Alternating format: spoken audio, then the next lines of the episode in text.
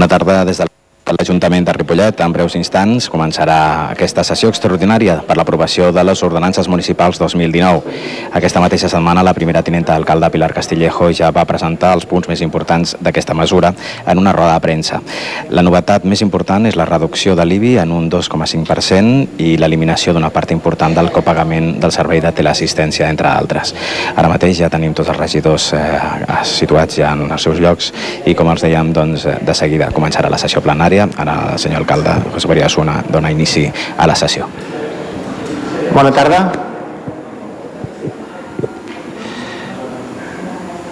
Comencem aquest ple extraordinari on portem a l'ordre del dia l'únic punt relatiu a la modificació de les ordenances fiscals municipals per l'exercici 2019 abans de res, excusarem la presència del senyor Xavier Peñarando i la senyora Reyes Muñoz per motius laborals, també la presència del senyor Santos Gómez per motius personals i esperem que el regidor Oriol Mor s'incorpori al llarg de la sessió, ja que ens ha comunicat que està tornant a la feina i està en un petit embús i ha d'arribar al llarg d'aquesta de, la, de la sessió.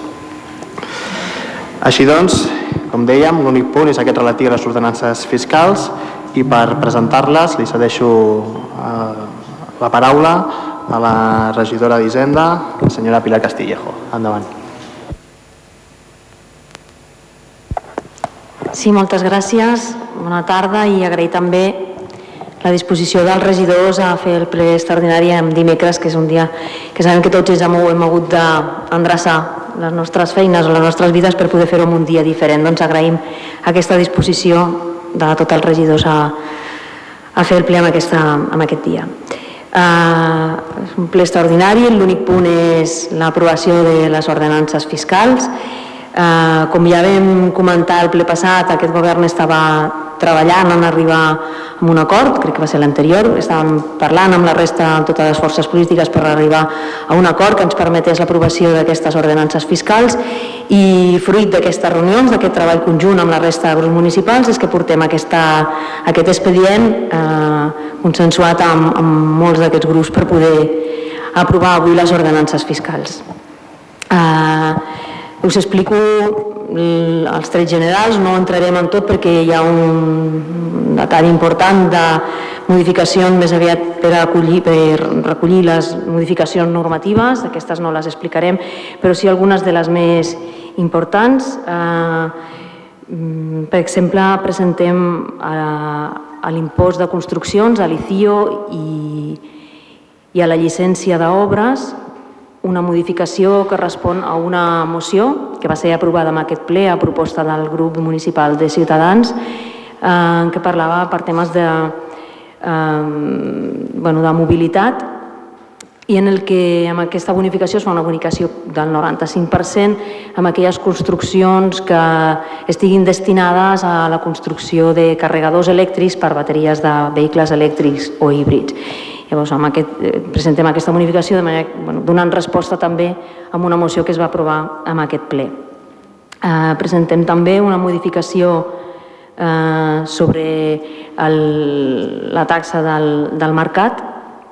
Presentem una nova, un preu nou que ens ha de facilitar també donar, modernitzar, creiem, aquest espai del mercat donant activitats diferents dintre de, de les activitats del mercat, poder incloure també eh, àrees amb, en què es faci obrador amb les obres, que es faci tota l'elaboració de, del producte amb la vista al públic i també es pugui fer serveis de degustació de l'alimentació. Llavors, amb aquest, amb, aquesta, amb aquest sentit, posem un preu especial que pugui permetre aquesta modernització del nostre mercat municipal.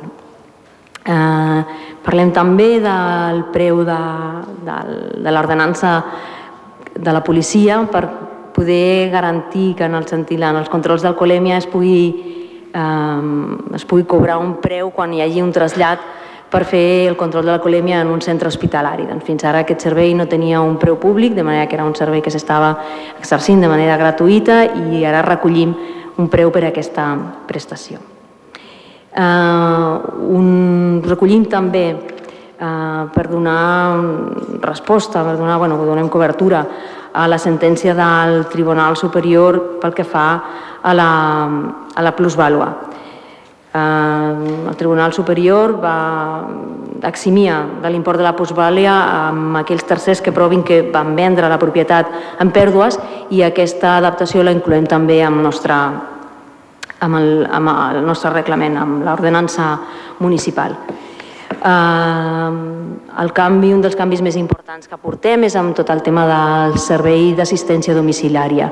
Aquí el que hem fet és modificar, agafar la taxa tipus de, de la Diputació per, fer, tenir un tipus més, més estàndard, que sigui més fàcil el càlcul i que faciliti, però al mateix temps i acompanyant el nou, la nova licitació del servei de teleassistència també ens han fet altres canvis que facilitin aquests, aquests serveis. En aquest sentit, eh, presentem dos, dues propostes que creiem que faran acostar-nos una mica més amb allò que hauria de ser tot el servei d'assistència domiciliària, que és que, com tots sabem, eh, tot el tema de la dependència eh, o així ens ho havien explicat, era un dret pels ciutadans i les ciutadanes. No? És un dret que tenim adquirit, com tenim dret a l'ensenyament públic, com tenim dret a la sanitat públic, pública, hauríem de tenir dret també amb aquesta dependència que fos un servei universal i gratuït. No estem en disposició d'arribar a aquest punt perquè l'Estat no ens dona les eines per poder-ho fer, però sí fem passos per acostar-nos en aquesta direcció. En aquest sentit, el que fem és eh, facilitar les bonificacions d'aquests serveis eh, perquè el càlcul que es fa de l'impost eh, del, el càlcul que es fa per fer les bonificacions no es fa en base als ingressos de la unitat familiar, sinó ho farem en base als ingressos de la persona que rep el servei, per tant això facilitarà. I d'altra banda, per a aquells, aquells usuaris que tinguin només el servei de teleassistència, aquest servei no tindrà cap cost, com tampoc pel servei de l'àpat domiciliari, però el seu preu també és inferior i també serà, si només tenen aquest servei, també serà un servei gratuït. Llavors, a poc a poc anem, posant, anem fent passes per acostar-nos a fer que el dret a, a la dependència també sigui un dret universal i gratuït per tothom. Amb les eines que tenim, però anem movent-nos en aquesta direcció.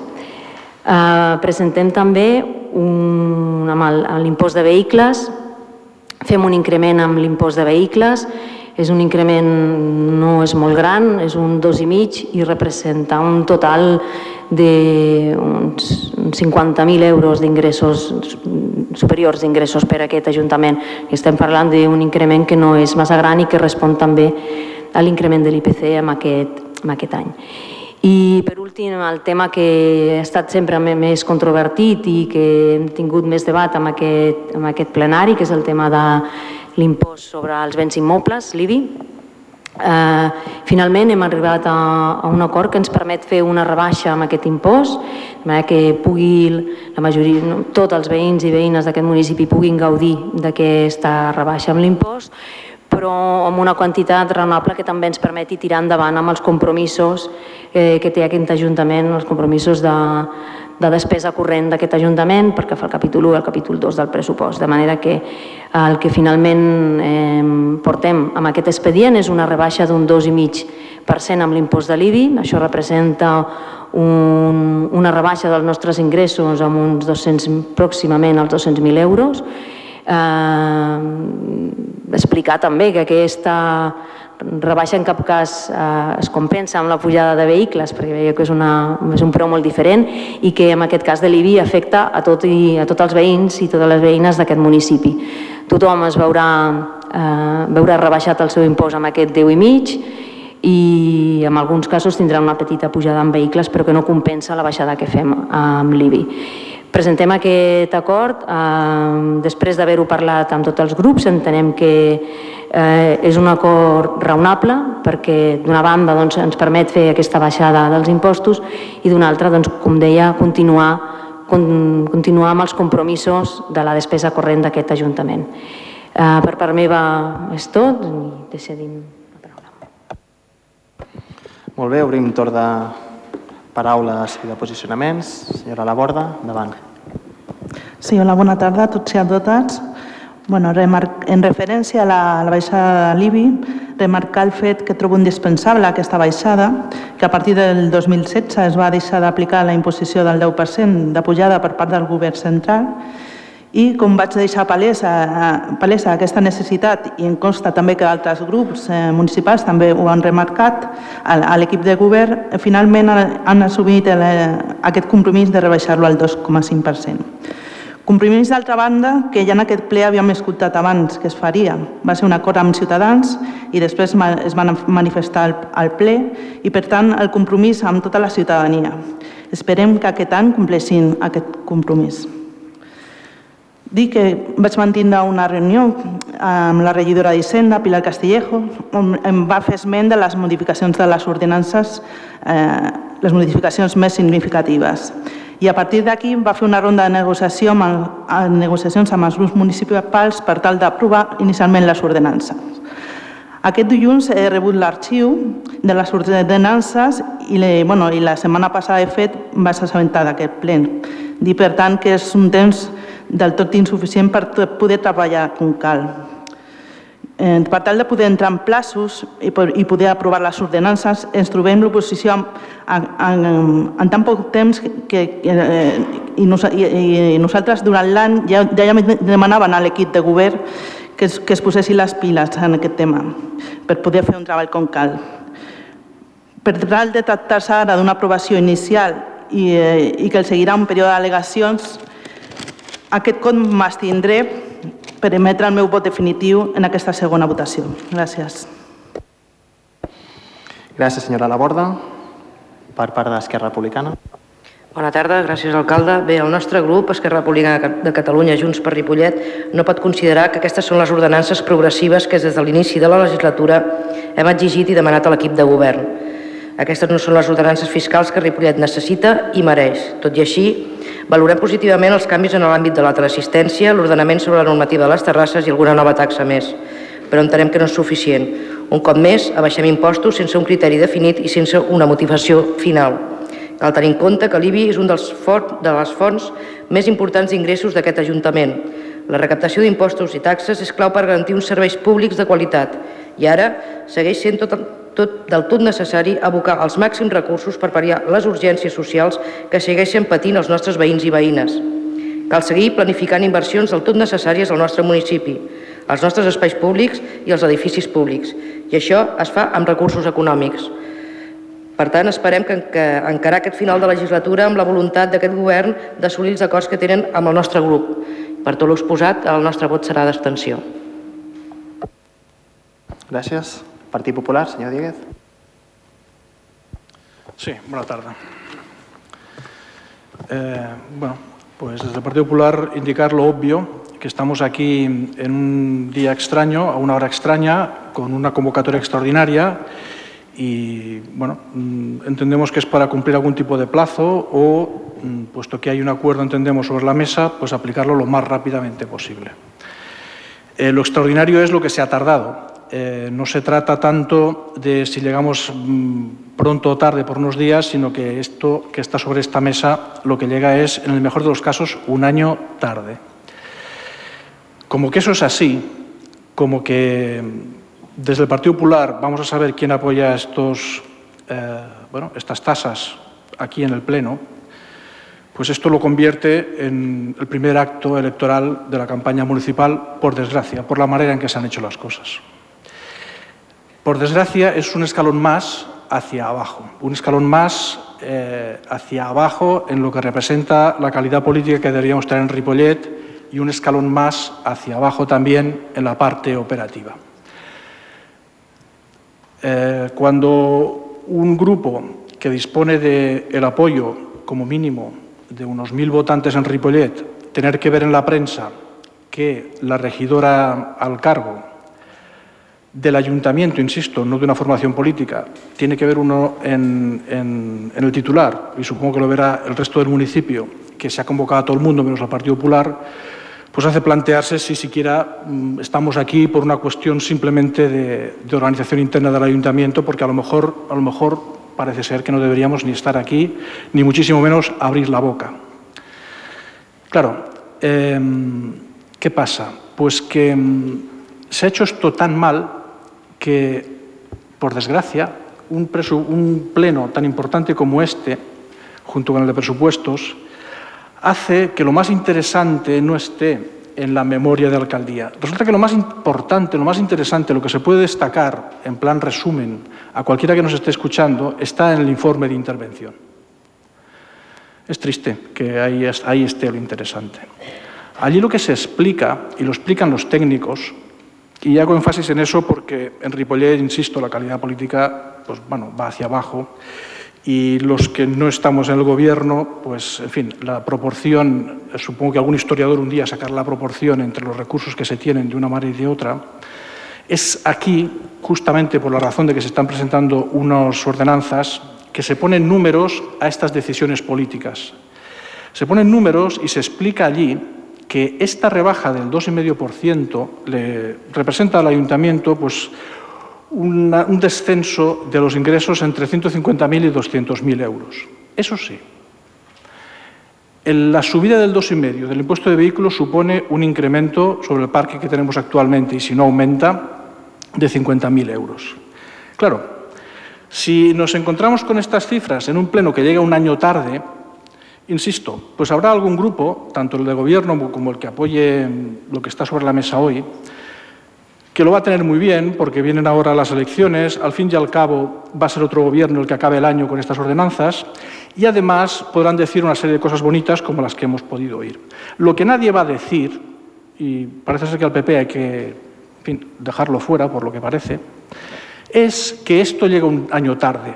Nadie va a explicar por qué a los eh, vecinos del Ripollet durante un año les ha supuesto 200.000 euros del bolsillo de cada vecino el que esto que está hoy sobre la mesa no se pusiera hace un año, que es donde debería estar. Y no lo dice el PP, lo dijeron otros grupos porque había llegado al acuerdo, porque lo hacíamos en... Es igual.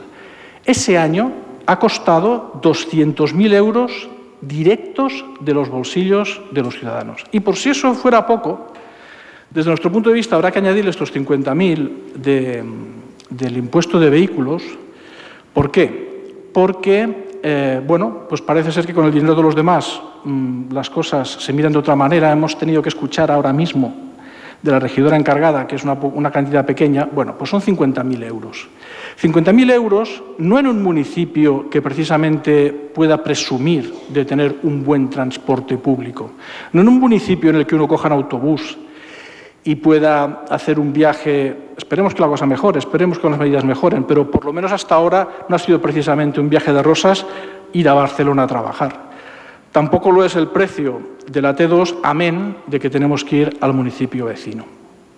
Claro, eh, es una forma muy bonita de acabar con titulares, insisto, por eso parece que es una simple cuestión electoralista, que ese IBI, que tendría que haber bajado el primer día el primer día, un 10%, porque lo que permitía que estuviese tan alto era la enorme crisis de la que veníamos. De lo que se trataba, no de que el ayuntamiento de Ripollet, no, porque cuando se legislan, se legislan estas cosas, se legisla para todo, es para toda España.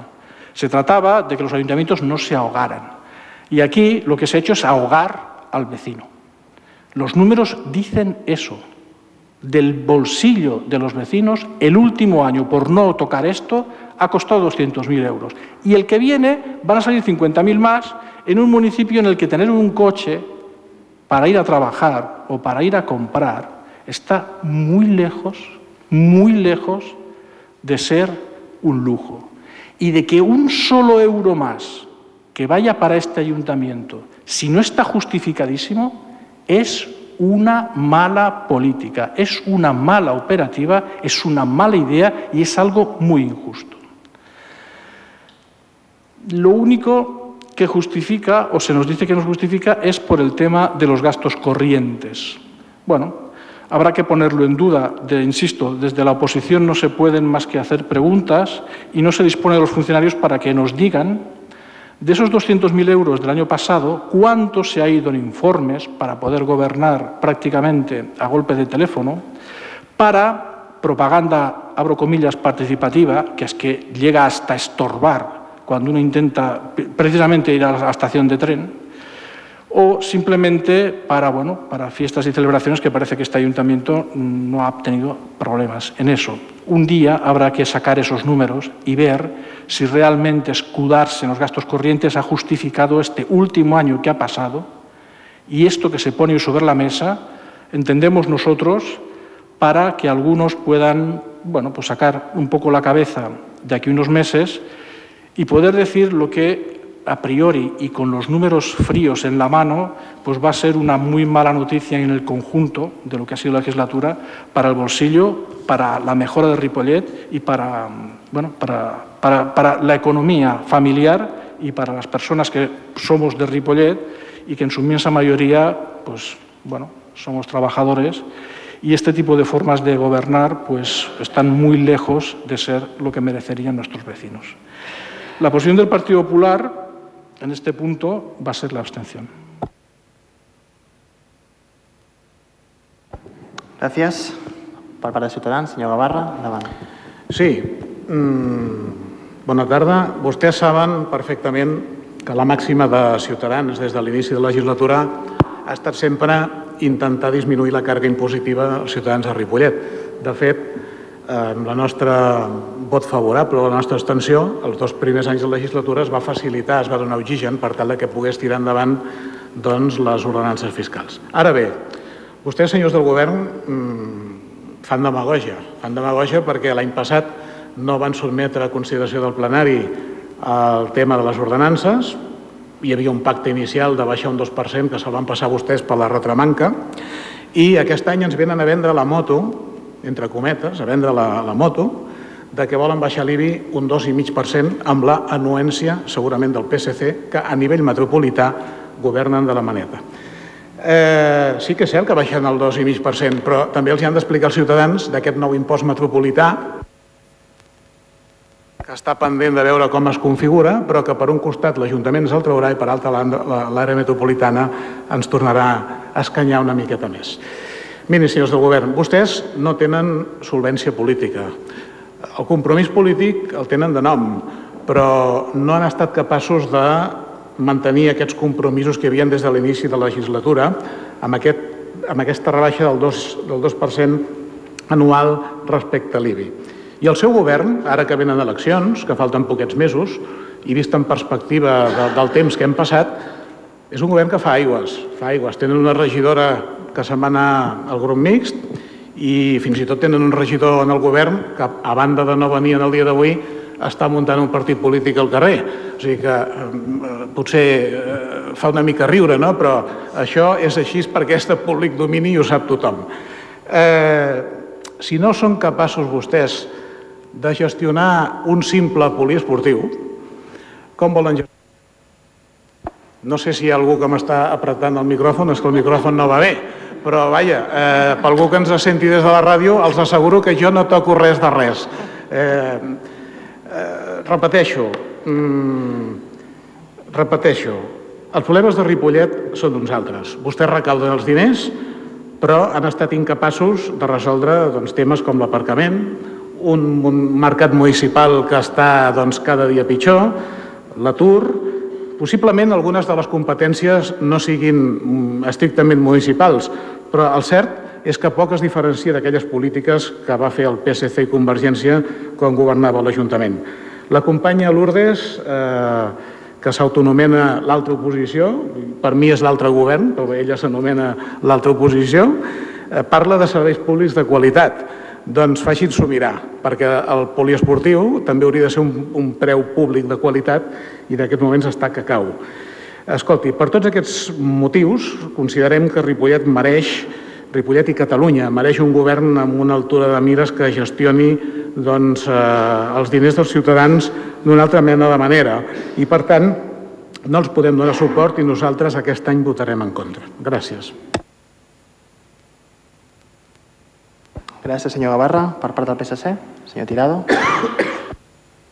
Sí, bona nit a tots i totes. Eh, abans de res voldria agrair el procés negociador amb la senyora Castillejos. En aquest cas sí que ens hem trobat diverses vegades i hem pogut parlar abastament sobre les ordenances municipals. Que dic abans de res que aquestes no són les nostres ordenances municipals. Hi ha temes que no ens agraden, eh, hi ha temes que nosaltres canviarem, eh, hi ha bastants temes que, que millorarem i que farem unes ordenances fiscals més socials si, si arribem a governar. No obstant, és veritat que algunes de les propostes que nosaltres hem compartit amb, amb el govern eh, han estat recollides. Em refereixo a, la, a, la, al treure el copagament a la teleassistència, que per nosaltres és un tema vital. Nosaltres, com a govern de PSC, el passat, abans m'ho deia la Maria Lladó, que va ser la responsable, de l'any 2007 al 2015 vam posar 500 teleassistències noves a Ripollet, 500, i pensem que és un servei bàsic i fonamental dels serveis socials del municipi, al igual que el servei d'ajuda a domicili. Per tant, el fet de que s'elimini el copagament a la gran majoria de famílies del municipi és un fet molt important, que nosaltres ho valorem molt positivament, i després hi ha l'altre tema bàsic i capdalt eh, amb, el, amb la negociació de les ordenances fiscals, que ha sigut el tema de l'IBI. Com bé sabut per tothom, per tots els regidors i regidores i per tota la gent que està escoltant a casa seva per totes les persones que estan avui a la sala, PSC ha demanat des de l'any 2015 el compromís que hi havia per, per tots els grups municipals de la rebaixa del 10% de l'IBI. Eh, nosaltres sempre hem cregut que això era viable fer-ho al 2015. De fet, nosaltres ho haguéssim fet. Aquesta era una proposta que va presentar el govern quan estava a l'oposició, perquè després no, no ha fet. Es va aconseguir amb la negociació amb el grup de Ciutadans aprovar les ordenances del 2015 per una rebaixa del 2%. El 2016, gràcies al grup de Ciutadans, també es va aconseguir una altra rebaixa del 2%. Del 2%. El 2017 hi va faltar la valentia de presentar una proposta de modificació d'ordenances al municipi i no, no es va fer. I el 2018 ens trobem amb una rebaixa del 2,5%.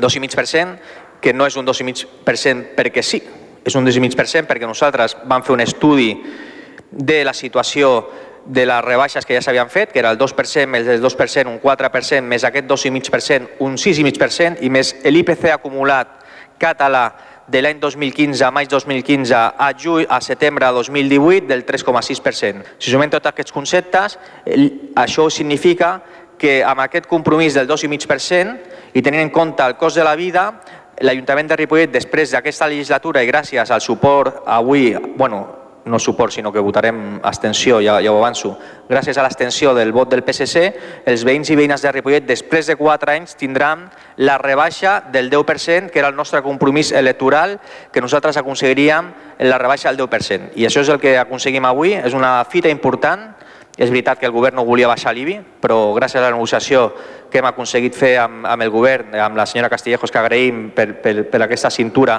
d'haver baixat aquest 2,5%, eh, hem aconseguit que es baixi el 10% per tots els veïns i veïnes durant aquests 4 anys. Ha sigut tard, 4 anys tard, però ho hem aconseguit. Hem aconseguit que el govern baixi el 10% de l'IBI, que era el compromís que nosaltres teníem a l'inici de la legislatura. Per tant, el nostre vot serà l'extensió. Gràcies. Molt bé. Si la regió de Castilla no vol comentar res més. Eh, només els companys de Ciutadans ho repeteixen sempre, però jo en aquest sentit també sempre estic a l'obligació de dir-ho.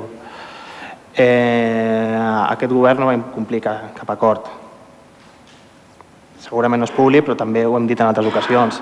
Aquest govern va mantenir la senyora Castillejo i jo amb vostè mateix al setembre de 2017 per tractar el tema d'ordenances fiscals, per veure si abaixant eh, un 9 2% de l'IBI es podia arribar a un acord i en aquell moment per part del vostre grup se'ns va comentar que eh, donat el context polític i social del moment, que en aquell moment Ciutadans no es conformaria amb aquesta baixada de l'IBI del 2%.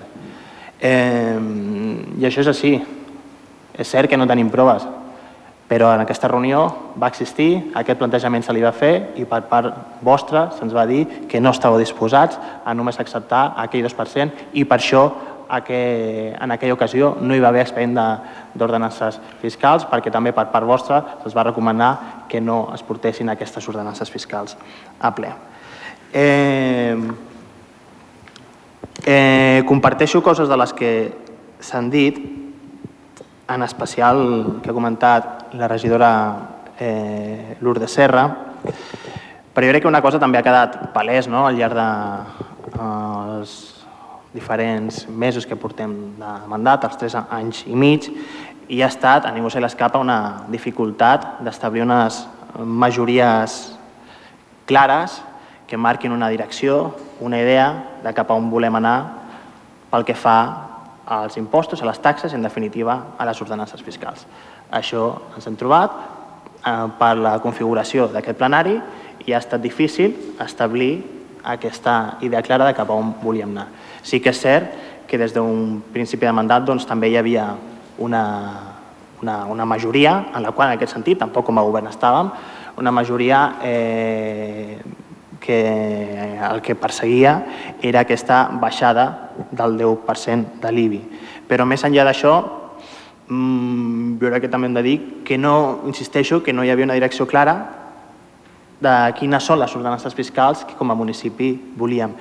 I, i en aquest sentit, doncs, també el que vull remarcar és que des, de, des del govern municipal, en definitiva, des de les diferents aprovacions de les ordenances fiscals en aquest plenari, doncs sí que s'han fet, fet passos, passos importants en favor de les ordenances fiscals més progressives i més redistributives, eh, quan també al principi de mandat es va mm, augmentar els impostos que havien de pagar grans superfícies comercials eh, i industrials i rebaixar les més petites. Eh, tots els passos que hem fet, per exemple, també en aquest cas pel que fa a l'assistència eh, i tot i les dificultats després en, en aplicar-ho, les taxes pel que fa als pisos buits, sí que s'han fet, jo crec, passos molt importants a favor d'aquestes eh, ordenances fiscals més progressives i més eh, redistributives, però també eh, hem de dir doncs, que no han estat, o almenys sota el nostre criteri, eh, suficients. I no han estat suficients, ens hagués agradat eh, poder tenir unes ordenances, insisteixo, més redistributives i més progressives, per tal que qui més té eh, més, més pagui, per les diferents eh, majories, per la majoria que hi ha en aquests, en aquests plenaris i els diversos posicionaments, per suposat, legítims de, de tots els grups. Esperem també, per suposat, que en futures ocasions doncs sí que puguem eh, entre tots o almenys amb una majoria eh, clara, important en aquest plenari, doncs marcar aquesta direcció, insisteixo, en favor de les ordenances fiscals cada cop més progressives i cada cop més redistributives, perquè al cap i a la fi, quan parlem d'ordenances fiscals, parlem d'això, de com eh, fer redistribució i sobretot també eh, no és només a veure d'on traiem els diners, sinó després també que va íntimament relacionat amb els pressupostos i per tal de veure aquests diners que es recapten de les persones, que tant esforç li suposen a les persones, doncs on van destinats.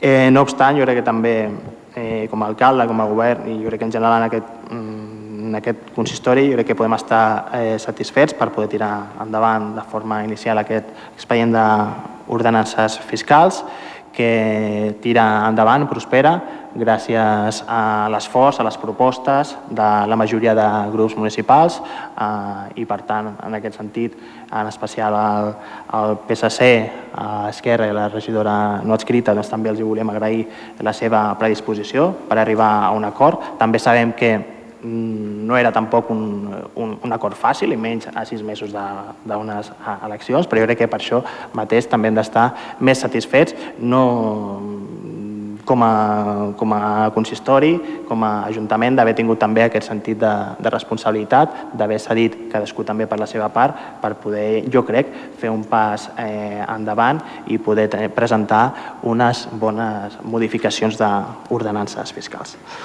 Així doncs, amb el vot contrari del grup de Ciutadans, eh, l'abstenció de la resta i el vot favorable del govern, queda aprovada aquesta modificació d'ordenances fiscals per l'exercici 2019.